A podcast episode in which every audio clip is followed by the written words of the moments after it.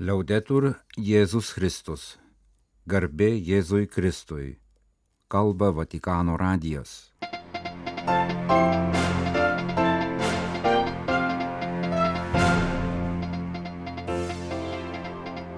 Malonūs klausytojai šioje pirmadienio vasario šeštosios programoje Žemės drebėjimo katastrofa Turkijoje ir Sirijoje giliai nuliūdino popiežių. Prahoje ir Suvoje prasidėjo bažnyčios Europoje ir Okeanijoje žemyninis sinodo etapas. Baigėsi 40-oji popiežiaus Pranciškaus apaštališkoji kelionė lėktuve pakeliui į Romą surinkta popiežiaus Kenterberio arkivyskupo ir Škotijos bažnyčios moderatoriaus spaudos konferencija. Popiežius Pranciškus giliai nuliūdo sužinojęs apie skaitlingas žmonių gyvybės netektis Turkijos pietryčiuose po galingo žemės drebėjimo, parašė užuojautos telegramoje apaštališkajam nuncijui Turkijoje Vatikano valstybės sekretorius. Popiežius užtikrino savo dvasinį artumą visiems nukentėjusiems, pavedė visagalio gailestingumui mirusius ir užtikrino giliau užuojautą gedintiems dėl artimųjų, parašė kardinolas Pietro Parolinas telegramoje nuncijui arkivyskupui Marijai Solčinskui. Popiežius taip pat meldžiasi, kad skubios pagalbos darbuotojams padėtų Dievo stiprybės ir ištvermės malonė galingo žemės drebėjimo pietryčių Turkijoje nuostolių apimtis kelia pasibaisėjimą. Turkijoje ir Sirijoje yra šimtai, gal ir tūkstančiai žuvusiųjų, milijonai nukentėjusių žmonių. Pirmosios žinios. Iš nukentėjusio regiono liudija apie didelę katastrofą neaplenkusią nei bažnyčios Turkijoje ir Sirijoje, visiškai sugriuvo Iskandirūnu, katalikų katedra, vyskupijos patalpos nuniokotos, pažymėjo vyskupas Bidzeti, Anatolijos katalikų vikaras. Tuo metu nuncijus Sirijoje kardinolas Marijo Dzenari patvirtino, kad nunciatūros patalpos Damaskė nepatyrė nuostolių, o jis pats žada artimiausių metų išvykti į Alepą, kad vietoje susipažintų su padėtimi. Maltos ordino pagalbos tarnyba jau pasiuntė pirmąją grupę gelbėtojų į centrinę Turkiją, kur pirmadienio popietę užfiksuotas naujas 7,7 balo žemės drebėjimas po kiek galingesnio 7,8 balo žemės drebėjimo naktį iš sekmadienio į pirmadienį. Prahoje sekmadienį vasario 5 dieną prasidėjo popiežiaus Pranciškaus sušaukto ir bažnyčia visame pasaulyje apimančio sinodo žemyninis bažnyčios Europoje etapas atidarimo mišioms Strahovo premonstrantų vienuolyno bažnyčioje vadovavo Prahos arkivyskupas metropolitas Jan Graubneris. Žemyninio etapo pasvarstymų pagrindą sudaro parengiamasis dokumentas Išplėsk savo palapinės erdvę. Konferencijos darbams vadovauja Europos vyskupų konferencijų tarybos pirmininkas arkivyskupas Ginteras Grušas, taip pat Lietuvos vyskupų konferencijos pirmininkas. Pirmadienį pradėdamas konferencijos debatus arkivyskupas Grušas prašė įsisamoninti, kad sinodalumas nėra bandymas sukurti bažnyčios parlamentą, kuriame sėkmingiausios idėjos balsavimų priimamos, o kitos atmetamos. Delegatai susirinko, kad klausytųsi vieni kitų ir šventosios dvasios. Kalbėtis, susipažinti, pasisakyti ir vieni kitus suprasti. Arkivyskupas Grušas įvadinėje kalboje užtikrino konferencijos dalyvių solidarumą Rusijos karo ištiktai Ukrainai. Europoje vyksta naujas karas po 30 metų nuo Berlyno sienos žlugimo ir priešingų blokų padalyto pasaulio pabaigos. Esame artimi mūsų broliams ukrainiečiams, kupini vilties, kad rusų agresija pasibaigs ir mūsų žemynas vėl galės atrasti tikrąją taiką ir susitaikymą. 39 viskupų konferencijoms atstovaujantys delegatai iš 45 Europos kraštų per ateinančias dienas iki vasario 12 dienos aptars ir apibendrins lygi šiol įvykusius sinodinio proceso etapus. Lietuvai sinodo žemyninio etapo konferencijoje atstovauja 14 asmenų delegacija. Keturi iš jų du vyskupai ir dvi pasaulietės konferencijos darbuose dalyvauja fiziškai Vilniaus arkivyskupas Ginteras Grušas, Telšių vyskupas Algirdas Jurevičius, Vaidas Pangelevičiūtė Kneižienė ir Agnė Markauskaitė. Dar dešimt bažnyčios Lietuvoje atstovų dalyvauja žemyninės konferencijos darbuose nuotoliniu būdu. Trys kunigai, nuolatinis diakonas, vienuolė, ir penki pasauliečiai, įskaitant keturias moteris. Andrius Vaitkevičius, Gediminas Jankūnas, Linas Baltrušaitis, Darius Chmieliauskas, Asta Venskauskaitė, Linita Žebrauskaitė, Vaiva Stanionė, Rozvita Vareikienė, Miglė Veselgaitė ir Sigitas Daugnoras. Žemyninio etapo konferencija Prahoje vyks dviem fazėmis Pirmojoje nuo sekmadienio iki ketvirtadienio vasario 9 dienos dalyvauja 200 dalyvių ir 390 nuotolinių delegatų. Jiems pavesta kartu parengti ir paskelbti žemyninį etapą apibendrinantį dokumentą. Antrojoje fazėje vasario 10-12 dienomis posėdžiaus Europos viskupų konferencijų pirmininkai. Jie apsvarstys asamblėjos baigiamąjį dokumentą ir parengs jo komentarą. Sekmadienį vasario 5 dieną bažnyčia Okeanijoje, apimanti Australiją, Naująją Zelandiją, Papuą Naująją Gvinėją, Saliamono salas ir kitas Ramiojo vandenino regiono vietas, pradėjo sinodo žemyninį etapą. Jį inauguravo Romos kardinolo Maiklo Černio aukotos šventosios mišios.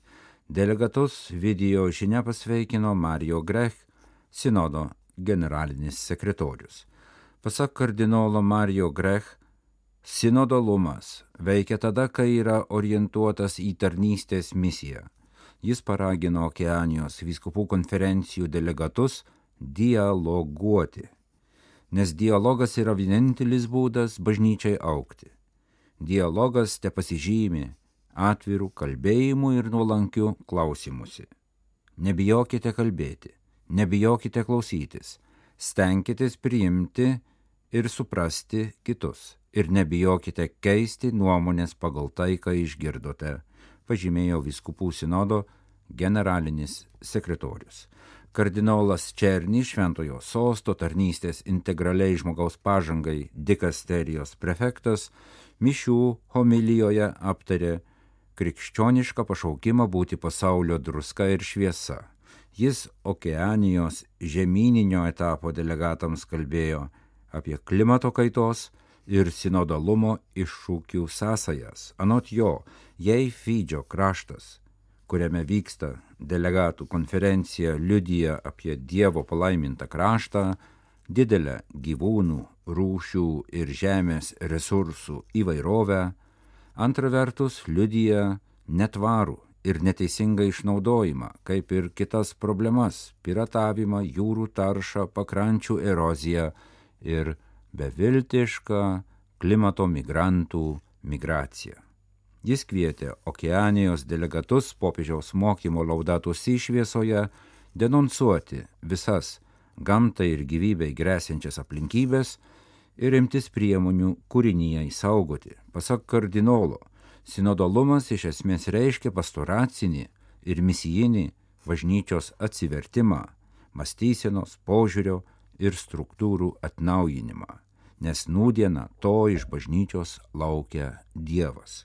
Anot kardinolo Maiklo Černį, turime sėti svajonės, sužadinti pranašystės, vizijas ir viltį, įkvėpti pasitikėjimą, gydyti žaizdas, mėgsti santykius, pažadinti vilties aušrą.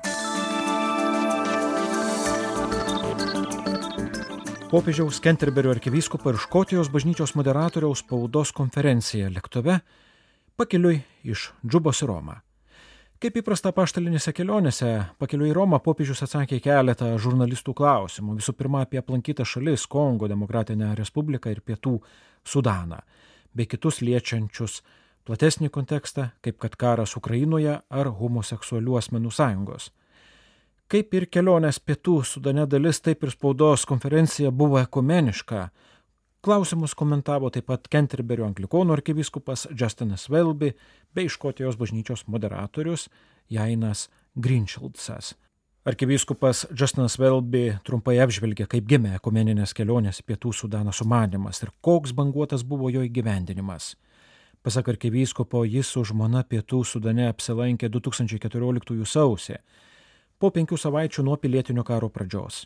Jie atskrido į nedidelį Boro miestą ir jau prie oro uosto įvažiavimo pamatė pirmuosius lavonus. Žuvusių, mirusių ir nepalaidotų žmonių buvo apie penkis tūkstančius.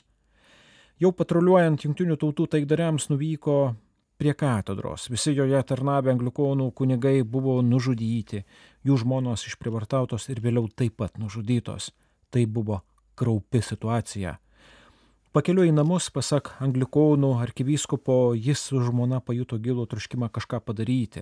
Apie tai kalbėjo viename iš reguliarių susitikimų su popiežiumi Pranciškumi ir tokiu būdu išsivystė rekolekcijų krašto lyderiams Vatikane sumanimas. 2016-aisiais jo ir Vatikano komandos nuvyko į Pietų Sudaną ir kartu organizavo kelionę. Jo žmona, pridūrė arkivyskupas Velbi, kalbėjo su moterimis, bendruomenių lyderėmis, su viskupų žmonomis buvo aplankyti ir Ugandoje prisiglaudę pietų Sudano lyderiai. 2018-aisiais išryškėjo reali galimybė susitikti kitų metų pradžioje Romoje. Šis susitikimas įvyko iš tiesų per stebuklą. Vienas iš viceprezidentų buvo namų areštą Hartume, Sudane, bet 36 valandas prieš susitikimą, prisimena Anglikonų arkivyskupas, jis turėjo galimybę pasikalbėti su Junktinių tautų organizacijos sekretoriumi vienos mokyklos parkavimo aikštelėje ir paprašyti, kad politikui būtų išduota viza, o kai šis ją gavo ir taip pat išskrido, dėl perversmo buvo uždarytas Hartumo oro uostas. Tačiau išskirtiniausia 2019 m. susitikimo akimirka buvo nepamirštamas gestas, kurį padarė popiežius, kai parklupo ir pabučiavo pietų Sudanų lyderių, nors šie bandė jį sulaikyti kojas, melsdamas taikos. Tai buvo nepaprastai įspūdinga akimirka. Turėjome sunkių diskusijų, bet galiausiai jie įsipareigojo atnaujinti taikos susitarimą ir manau, kad popiežiaus gestas buvo esminis momentas, lūžio momentas, kalbėjo pasaulio anglikonų primas. Deja, tuoj po to prasidėjo COVID pandemija, kuri neleido išnaudoti to, kas pasiekta, ir kai anglikonų bei Vatikano komandos vėl nuvyko į Pietų Sudaną renkti apaštalinės kelionės, pasitikėjimo ir entuzijazmo buvo mažiau nei anksčiau. Vis dėlto pridūrė anglikonų arkivyskupas, jis iš pietų Sudano išvyko padrasintas. Ne dėl kokio nors proveržio, bet dėl bendro jausmo, kuris susiformavo susitikimuose, kuriuose svarbiau už savokas buvo širdies balsas į širdį. Yra poslinkių bazinėme ir viduriniajame lygiuose. Reikia rimto pokyčio lyderių širdise, kad įvyktų taikus politinis pereinamasis periodas, kad būtų kovojama su korupcija ir nelegalia prekyba ginklais rinkimai bus už dviejų metų ir reikia rimtų pokyčių. Duris pravertos, reikia jas atlapoti plačiai. Pasak Škotijos bažnyčios moderatoriaus Jaino Grinčilco, jo patirtis kitokia. Tai jo pirmtakui teko susidurti su sunkiausiamis situacijomis, o jis pirmą kartą į Sudaną nuvyko 2015-aisiais, kai visų pirma reikėjo humanitarinės pagalbos ir susitaikymo iniciatyvų. Dabar visą tai reikia tęsti. Kenterberio anglikonų arkivyskupas Justinas Velby vėl atkreipė dėmesį pietų Sudaną. Nuero ir Dinkų gentis prieš šimtą ir daugiau metų nuolatos tarpusavėje kariavo. Tarpusavėje kariavo ir pačių Nuero klanai. Klestėjo keršto kultūra. Ir jei šiandien šios kultūros yra mažiau, tai ne dėl kolonijinės vyriausybės nuopelnų, bet dėl to, kad bažnyčių mokymas ir tikėjimo į Kristų prieimimas pradėjo keisti žmonių širdis, jie pamatė, kad yra kitas ir naujas gyvenimo kelias. Bažnyčios kuria ir paslaugų bei pagalbos tinklus, tačiau dar labiau reikia melstį susitaikymo ir gyjimo malonės. 2019-aisiais Popiežius pabučiavo pietų Sudano lyderio kojas, melsdamas taikos, ar padarytų tokį pat gestą su Vladimiru Putinu, jei turėtų galimybę jį iki šiol nepaisiusio taikos prašymų sutikti, paklausė dar vienas žurnalistas. Anot Pranciškaus jis atviras susitikimui su abiem prezidentais Rusijos ir Ukrainos. Nuo pat pirmos karo dienos užmėsgė kontaktą su Maskva, tikėdamasis bent mažos galimybės ten nuvykti dėl taikos. Bet jau ne pirmą kartą, priminė Pranciškus, jam buvo atsakyta. 2019 m. kojų pabučiavimo gestas, pažymėjo popiežius, nebuvo sumanytas iš anksto, buvo spontaniškas. Jis jautėsi pastumėtas vidinio impulso, pastumėtas šventosios dvasios. Taip pat teisinga priminti, kad karas Ukrainoje nėra vienintelis. Sirijoje karas vyksta jau 12 ar 13 metų, 10 metų Jemene, dabar Mienmare, daug karo žydinių yra Latino Amerikoje. Kai kurie karai svarbesni, garsiau skambantis, tačiau turime labai rimtai pažvelgti, kad visas pasaulis greuna save, turime laiku sustoti, nes už vieną didelę bombą atsilyginama dar didesnė, už šią dar didesnė. Dar vienas klausimas buvo apie homoseksualumo kriminalizavimą, kaip kad Pietų Sudane arba homoseksualių asmenų atstumimą net jų pačių šeimose, kaip kad Kongo demokratinėje respublikoje. Apie tai, pasak Pranciškaus, jis kalbėjo kitose dviejose kelionėse, kitomis progomis, nors pripažino, tiksliai visko neatsimena. Jei asmuo su homoseksualiu potraukiu ieško Dievo, kas aš toks, kad jį teiščiau, priminė Pranciškus savo žodžius Brazilijoje. Kelionėje Airijoje jis pasakė, kad vaikai su homoseksualumo tendencija neturėtų būti tėvų išvijami iš namų. Homoseksualumo kriminalizavimas apie 50 valstybių, kaip girdėjo, ir mirties bausmė galbūt dešimtyje šalių, pažymėjo popiežius, yra problema. Tai neteisinga. Žmonės su homoseksualiu polinkiu yra Dievo vaikai. Dievas juos myli, Dievas juos lydi. Tiesa, kad kai kurie yra tokie dėl įvairių nenorėtų aplinkybių, Tačiau nuteisti mirčiai tokį žmogų yra nuodėmė kriminalizuoti žmonės su homoseksualiais polinkiais neteisinga. Kalbu ne apie grupės, bet apie asmenis. Galima sakyti, bet jie kuria grupės, kurios kelia sumaišti. Tačiau asmenys yra visai kita nei lobizmo grupės. Kalbu apie asmenis. Manau, kad katalikų bažnyčios katekizme tai parašyta, jie neturėtų būti marginalizuoti. Manau, kad apie tai aiškiai kalbama, sakė popiežius Pranciškus. Kenterberio arkivyskupas pridūrė, kad Anglijos bažnyčia aktyviai dalyvauja diskusijose šiais klausimais. Pasaulinė anglikonų komunija yra prieimusi rezoliucijas prieš homoseksualumo kriminalizavimą, nors daug žmonių nepakeitė savo nuomonės. Apie tai vėl bus kalbama ateinančiame Anglijos bažnyčios sinode. Škotijos bažnyčios moderatorius pastebėjo, kad, kaip skaitome Evangelijose, Jėzus neatstumė nei vieno žmogaus ir rodė meilę kiekvienam sutiktam Taip turėtų elgtis ir krikščionis su visais asmenimis visose situacijose.